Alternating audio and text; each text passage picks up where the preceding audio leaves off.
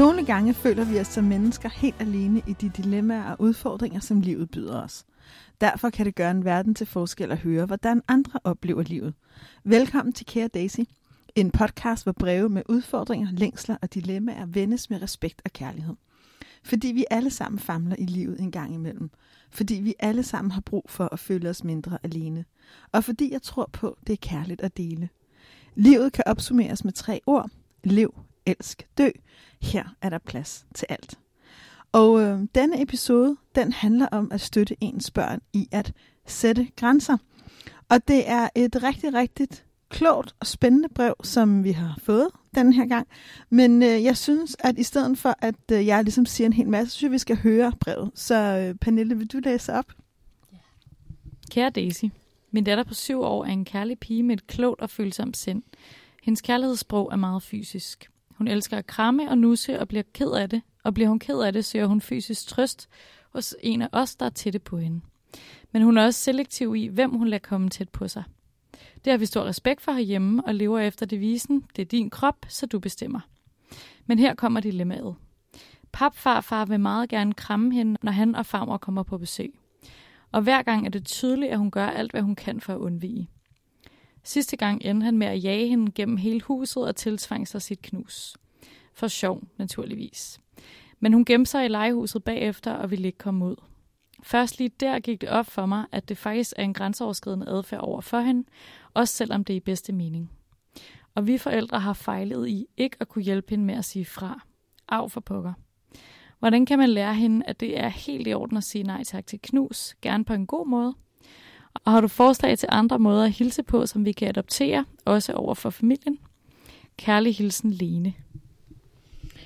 Lene, først har jeg lyst til at sige stor respekt for, at du ligesom står ved jeres fejl, og du faktisk skriver om noget af det, der er svært, og at du også har villigheden til at lære. Det har jeg virkelig, virkelig stor respekt for, for det er sindssygt svært nogle gange som forældre at stoppe op og tænke, puha, det kunne jeg godt have gjort bedre. Så øh, stor respekt for det, det synes jeg er mega modigt. Og fordi jeg synes, det her er et rigtig vigtigt brev, jeg, det, jeg har ikke simpelthen gået noget tid og læst det og tænkt over det. Og til sidst så nåede jeg frem til, vil du være, jeg er simpelthen nødt til at alliere mig med en anden klog kvinde. Så jeg har inviteret min veninde Ditte, som jeg har stor respekt for. Hun er, ja, det vil hun selv fortælle, og så er hun også en af de øh, kvinder, hvis moderskab, jeg synes er enormt inspirerende, og som jeg selv nogle gange vender ting med. Så Ditte, vil du ikke lige give mig et ord på, hvad er det nu, du er helt fagligt? jo, altså, men, men det er jo, jeg har jo både sådan som fagperson og netop som mor i det her tilfælde, ikke? men jeg er lektor på DPU, på Danmarks Pædagogiske Universitet i udviklingspsykologi, og har arbejdet med børn og problemstillinger omkring børns udvikling og opdragelse og liv i dagtilbud og leg og alle mulige forskellige temaer. Jeg er også øh, krise- og soveforsker, øh, så jeg har arbejdet med alle mulige forskellige mm, problemstillinger i børn og unges liv øh, de sidste 15 år. Ja, og så har du været mor lidt længere end jeg har. Jeg har jo fejret blandt andet mm. din datters overgang fra, fra, fra barn til ung voksen. Yeah. Og jeg synes, det var enormt vigtigt, ligesom, at vi havde sådan lidt forskellige perspektiver på det her, fordi det rører jo i virkeligheden mange ting. Det rører noget med børns grænser, hvordan håndterer vi grænser i forhold til familie, det rører noget med forskellige relationer. Så der er i virkeligheden rigtig, rigtig mange ting at tage fat i her. Men hvad tænkte du, da du hørte det her brev, Ditte? Jeg tænkte mange forskellige ting, og jeg tænker egentlig, altså jeg synes, fejlen er jo ikke så stor på forældrenes side her, synes jeg, hvis man lige kunne starte der, fordi deres datter er faktisk rigtig god til at sige fra. Jeg synes, at papfar farfar mangler en eller anden form for barometer, når han jager hende rundt. Fordi det, at hun, at hun fysisk fjerner sig og prøver at flytte sig, er jo et, et godt forsøg på at sætte en grænse. Absolut. Øhm, så, så på den måde kan man sige, det er jo mere fremadrettet. Hvordan kan man hjælpe papfar far til at blive bedre til at lytte til de ret fine grænser, som barnet egentlig sætter? Øh, og der kunne man forestille sig, nu ved jeg ikke, hvor meget der ligger i det der med pap, men hvis han er helt ny i familien, så trænger han måske til noget bekræftelse af, at han hører til. Men det skal han ikke have af den syvårige pige, som ikke har lyst til at give ham et knus. Det må man prøve at give ham af andre veje, måske undersøge hos pap mormor. Tror du, det kunne være derfor, at han jager hende rundt? At han egentlig er lidt bange for, om hans legitimitet er helt i orden i familien, og han har brug for den bekræftelse vi kan alle, alle sammen godt lide dig, nye papfar og nye papfarfar. Hvis det er det, det kunne handle om, så var det jo ham, man egentlig skulle gå til. Det var den ene ting, jeg tænkte. Eller hans yes. nye simpelthen lige tage lidt samtalen, prøve at høre velkommen til familien. Ja, vi kan smadre vi... godt lide dig, men hun er altså ikke så vild med at lige kramme. Vi ved ikke hvorfor, men det er hun bare ikke så vild med. Så det skal du ikke ligesom jage hende rundt. Mm. Altså, Enig. Det var faktisk også noget af det første, jeg tænkte. Jeg tænkte også sådan, her er der jo sådan en god grobund for en dejlig samtale. Ikke? Så drikker vi en kop kaffe og spiser lidt kage og snakker lidt med farmor og papfarfar. Og så kunne jeg sådan høre min indre sådan, ah, sådan igen, den der indre skeptiker nogle gange kommer frem og tænker, tror jeg på, at det i virkeligheden virker? Altså, for det er noget af det, jeg oplever med mange af mine klienter, netop når jeg taler med dem om sådan nogle ting, og særligt om, altså, en ting er at blive et par, noget andet er også at have svigerforældre på begge sider, og så bonus og alt det der. At der er jo rigtig mange, der siger til mig, jo, prøv at høre Daisy, det synes vi lyder som en super god idé. Vi er helt til det der med at sidde og tale. Vi kommer også her hos dig. Men det er jo ikke alle, der synes, at den der åbne samtale, eller øh, jeg vil gerne lige fortælle dig, hvordan vi har det her i vores familie, eller hvad er det egentlig for et behov, du har brug for at få dækket. Det er jo ikke alle, der har den her åbenhed omkring det. Og så kan jeg se, at du, du ryster på hovedet. Hvordan, øh, hvordan oplever du det? Nå, men det tror jeg, du har helt ret i. Og så må man jo så handle noget mere. Altså, og det det, som man måske kunne gøre, så ikke. Vi havde jo talt om det der med, hvordan kan man hilse på andre måder. Og altså, nu er det bare sådan en helt overordnet kommentar. Jeg føler også tit mine grænser overskrevet i de her år. Der er sket noget med vores kultur, synes jeg, inden for de sidste, hvad, 20-30 år, 20-25 år. I gamle dage var knus noget, man gav sin allernærmeste familie og livslange venner. Og andre mennesker gav man hånd. Mm. Ikke? Og det der med at give hånd, det, det er nærmest sådan gået ud af glemmebogen. Altså det, det gør man måske, når man skal til jobsamtale. Men jeg bryder mig heller ikke om at blive kram, krammet og klemt af alle mulige. Og vi er nogen, som øh, føler os lidt marginaliseret i den her nye kultur, hvor det ligesom, Nå, men så får du en krammer, vi har kendt hinanden i fire minutter. Mm. Ikke? Ellers tak. Og, og, og dem er vi mange af i alle aldre. Så måske skulle man øh, reintroducere det der håndtryk, og så sige, når man altså, det kan jo gøres meget varmt og åbenhjertigt, at man stikker lappen frem, og det kunne man lære hende. Øh, hvis du ikke har lyst til at blive krammet, øh, og det kan jeg godt forstå, så skal du bare stikke lappen frem som det første, for det er faktisk ret svært at afvise en, en hånd, der bliver trukket, altså stukket frem. Og det er jo en tydelig måde at indikere på, at man ikke, altså så kan man holde den stiv, stift derude, ikke? Sådan, så, så kan folk jo godt regne ud, at de ikke skal sådan suge ind en øh, i et fagntag. Og hvis de så gør det, så er det ret let også at, at så sige, at det var grænseoverskridende på en anden måde, ikke? Jo, eller simpelthen sige nej tak, det har jeg ikke lyst til, eller fjerne Ja. sig. Ja. Det synes jeg er en vild god pointe. Og endnu bedre at følge det op med en, en verbalisering, altså simpelthen give lappen og sige, jeg foretrækker håndtryk. Dejligt at møde dig. Ja. Fordi så er det endnu mere tydeligt, du skal bare ikke hive mig ind til dig. For mm. det her er jeg slet ikke øh, i humør til. ja.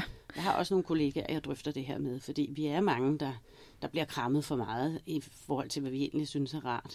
Ja. Og der er jo noget enormt befriende i virkeligheden ved at stå ved, sådan har jeg det, jeg er ikke en krammer, og så ligesom både give sig selv lov til, jeg lide det, du siger, at stikke hånden frem og sige, jeg giver håndtryk, og dejligt at møde dig.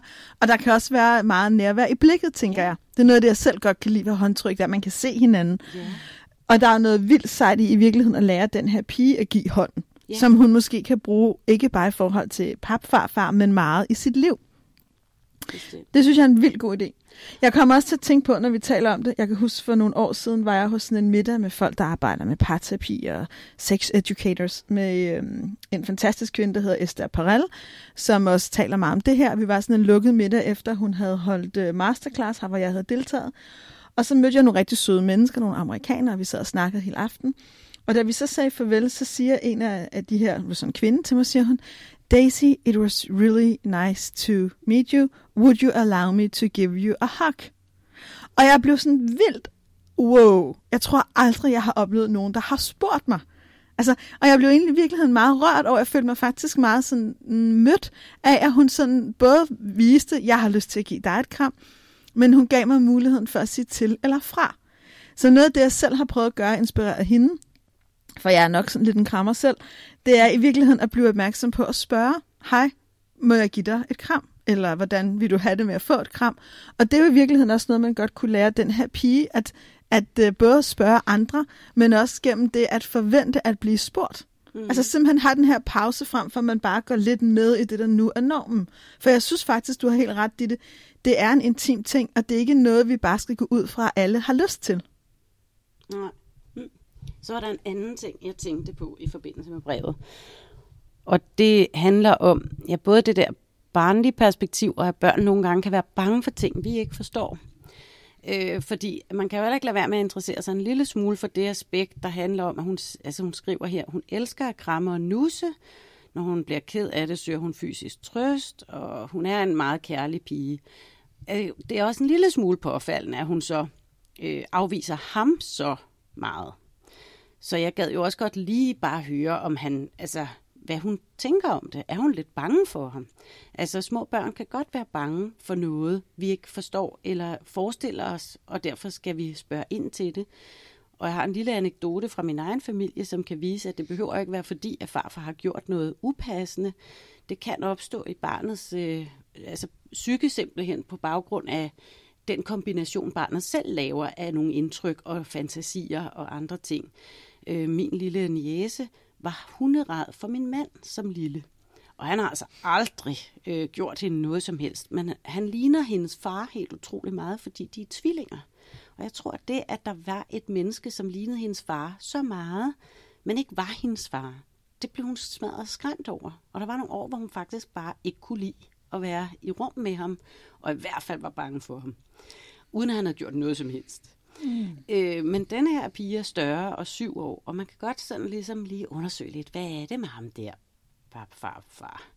Ja. Øh, er det, altså, gør han hende bange eller utryg på en eller anden måde? Eller har han måske sat hende i en situation, som hun i hvert fald ikke kunne tænke sig skulle ske igen med noget, han har bedt om eller spurgt om? Eller... Det vil jeg også, også lige interessere mig lidt for, eftersom hun i øvrigt er, ser det ud til, en krammerperson med andre folk. Mm. Det kan jeg godt følge, for det var nemlig også noget af det, jeg selv tænkte om med det her brev, at hun jo virkelig er løbet væk, og han har jaget hende, og så sætter hun sig ud i legehuset. Hun, hun trækker sig jo virkelig til sin egen verden, hvor hun måske er tryg. Og så kunne jeg godt tænke mig at høre, hvordan ville du anbefale, hvis man nu sidder derude, og det kan jo være en anden situation, man oplever, men måske har brug for det, du kalder undersøge sit barns verden. Er der nogle gode råd til, hvordan man som mor eller far tager den her undersøgelsesnak? Ja, og det er jo meget vanskeligt netop, fordi at vi ikke kommer helt fra samme øh, univers, når vi møder barnet. Øh, og det er jo vigtigt ikke at lægge barnet øh, ord i munden. Altså fordi øh, lige så snart du er i gang med at udspørge om noget, så tænker barnet samtidig, hvad vil mor gerne høre? Eller hvad er det far fisker efter, jeg skal forklare? Så man bliver nødt til at etablere en eller anden form for samtale, hvor det faktisk er meget åbent, øh, og hvor man siger, men jeg, jeg har tænkt på, at du ikke er så glad for at blive krammet af farfar. Tror, kan du prøve at sige noget om, hvad det er, du ikke kan lide ved det? Og så hvis det ikke giver pote, og der ikke kommer noget, så prøv at spørge på en lidt anden måde. Øh, og så kan det være, at det ikke er, at hun ikke vil krammes, men at det i virkeligheden er, øh, nu det tror jeg, det lyder det som, men det kunne være, at der var nogle helt andre sider af det, som vi slet ikke kan forestille os, som det egentlig handler om. Eller det minder hende om et eller andet. Han minder hende om en eller anden. Og man faktisk kunne finde ud af noget, der var meget vigtigt øh, som man gerne vil vide om ens barns øh, erfaringsverden. Hmm. God pointe. Og jeg, jeg lægger også mærke til den måde, du spørger på, at du dels først spejler hendes følelser.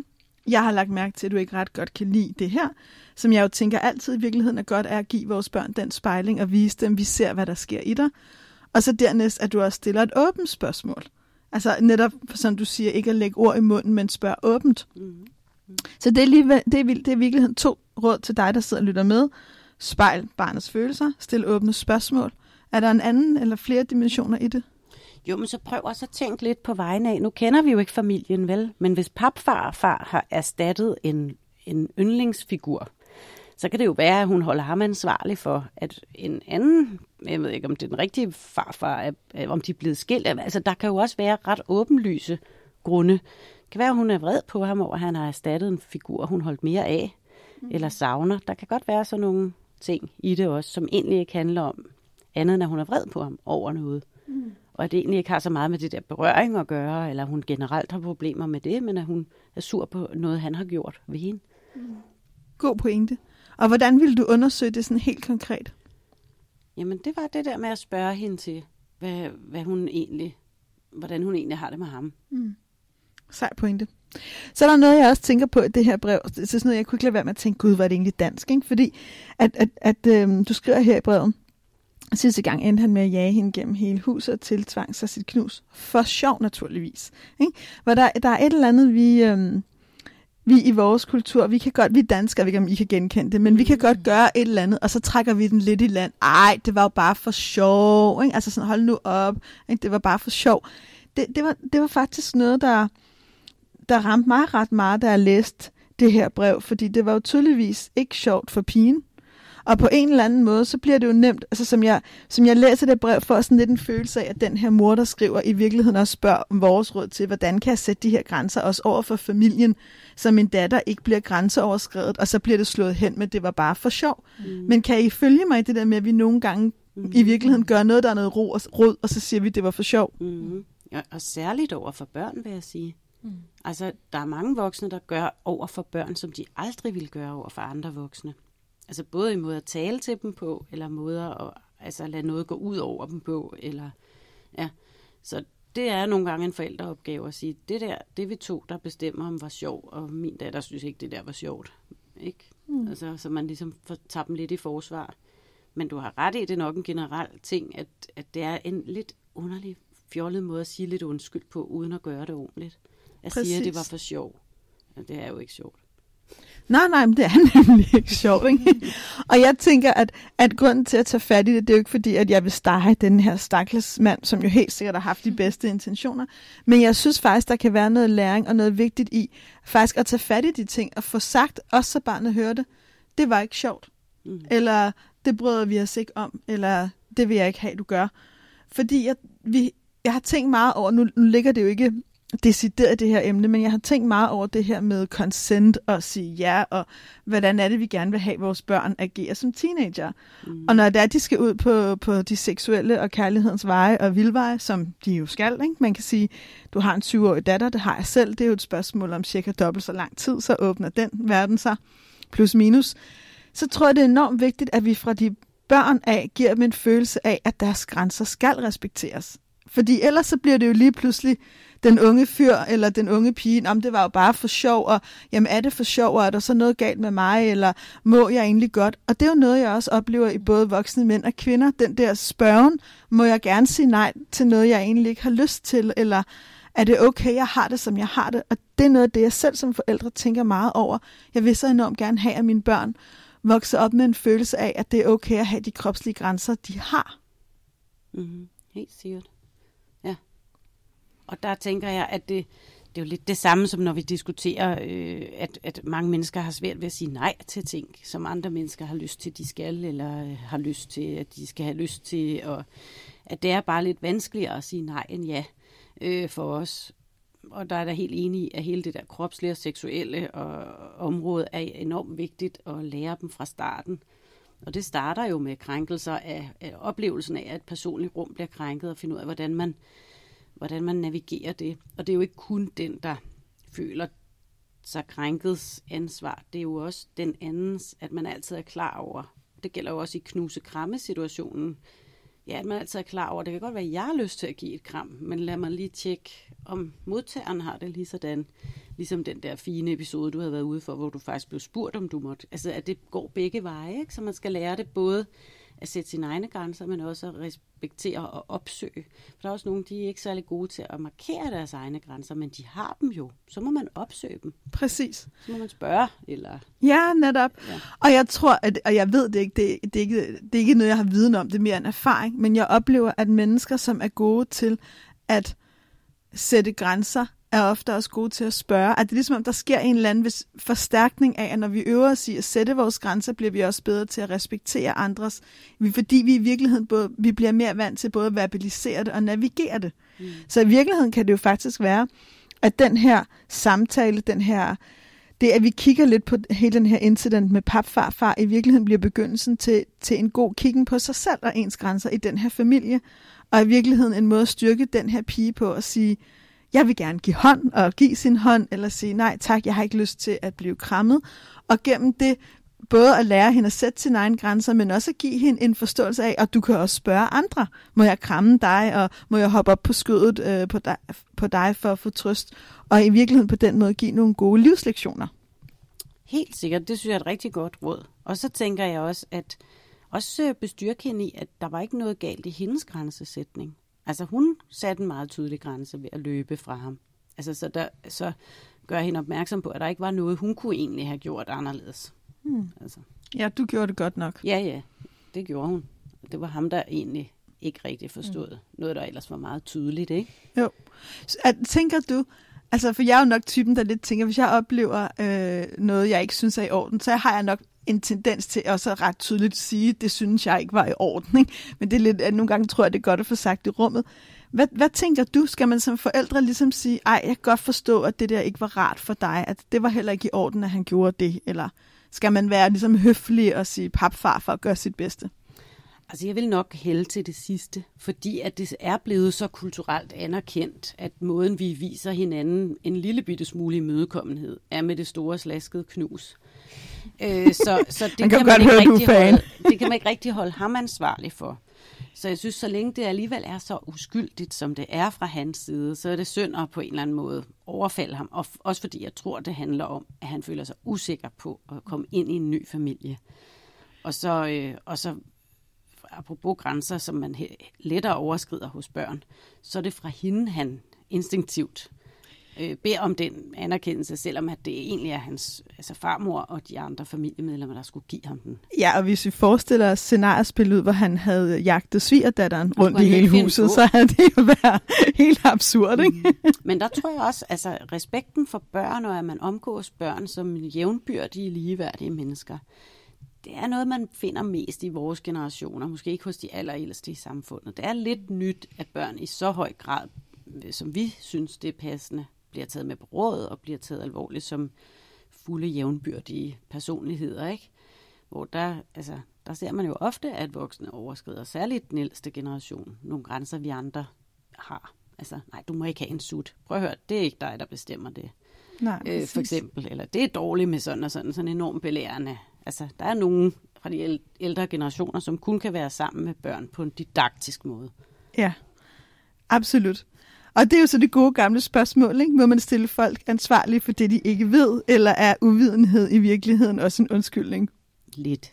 Og, og kultur og generation og alt muligt. Jeg vil, jeg vil synes, det var langt vigtigere, at, at, at der ikke går skov i alt muligt og konflikt lige i det her tilfælde. Fordi alle kan stadig nå at lære noget, uden at blive enormt uvenner. Ja. Øh, det var noget andet, hvis, han, hvis hun ikke havde haft noget tøj på, og han havde, altså, der, er, der er mange grader af den her form for grænseoverskridelse, hvor jeg synes, vi er i den milde grad. Enig, det, det tænker jeg også. Så man kan sige, hvis du, øh, til dig, der har skrevet, men også dig, der har lyttet med, som måske oplever nogle af de her ting, så det jeg ligesom øh, hører, som jeg tænker, at du måske kan tænke videre over, det er, støt dit barn i at sætte sine grænser. Støt dit barn i at, øh, at øh, kunne give et håndtryk. Øh, støt dit barn i at øh, sige, øh, sige, altså både at bede om den form for berøring, man gerne vil modtage, men også at sige fra over for det, man, man ikke ønsker. Og i virkeligheden også hold, hold freden i familien. I virkeligheden gør sig umage med på den ene side set at holde forståelsen af kærligheden og freden, og så samtidig med det også passe på ens børn. Er der noget, du tænker, som vi øh, kan sende for lytteren godt afsted med? Mm. Mm. Ja, altså hende der far, farmor kunne man også godt lige inddrage lidt. Altså man kunne jo også lige snakke med hende om, hvad hun, hvad hun, hun tænker om det. Mm. Altså i hvert fald før man konfronterer ham. Ja. Fordi det er, nu bagatelliserer vi det måske lidt. Ikke? Hvis det er en familie, hvor man er rigtig meget sammen, så skal det jo håndteres, så han holder op med det. Mm. Øh, hvis hun fortsat har det sådan, at hun ikke har lyst til det. Og det kan jo også ændre sig, hvis man snakker om det. Det er jo derfor, jeg synes egentlig, det kunne være ret fint at finde ud af, hvad det er ved det, hun, hun reagerer sådan imod. Enig. Fordi så kan det jo ændre sig af, at man får talt om det og får det vendt. Så i virkeligheden også et råd er også, prøv en gang at få undersøgt, hvad Ja. er det, der sker i dit barns verden? Hvad er det, dit barn oplever? Og også tænker jeg, at hvis vi ikke kan ændre de andre, det er jo ikke altid, vi kan ændre familien eller tage snakken, så måske i virkeligheden hjælpe pigen. Måske i virkeligheden lidt er der sådan en situation, der opstår en anden gang, så være lidt den irriterende mor eller far, der går lidt ind imellem og siger, Nå, lad hende nu løbe, nu går vi ind og drikker kaffe. Altså i virkeligheden have den der, nogle gange må man også godt som forældre bare stille sig lidt i vejen. Bestemt. Yes.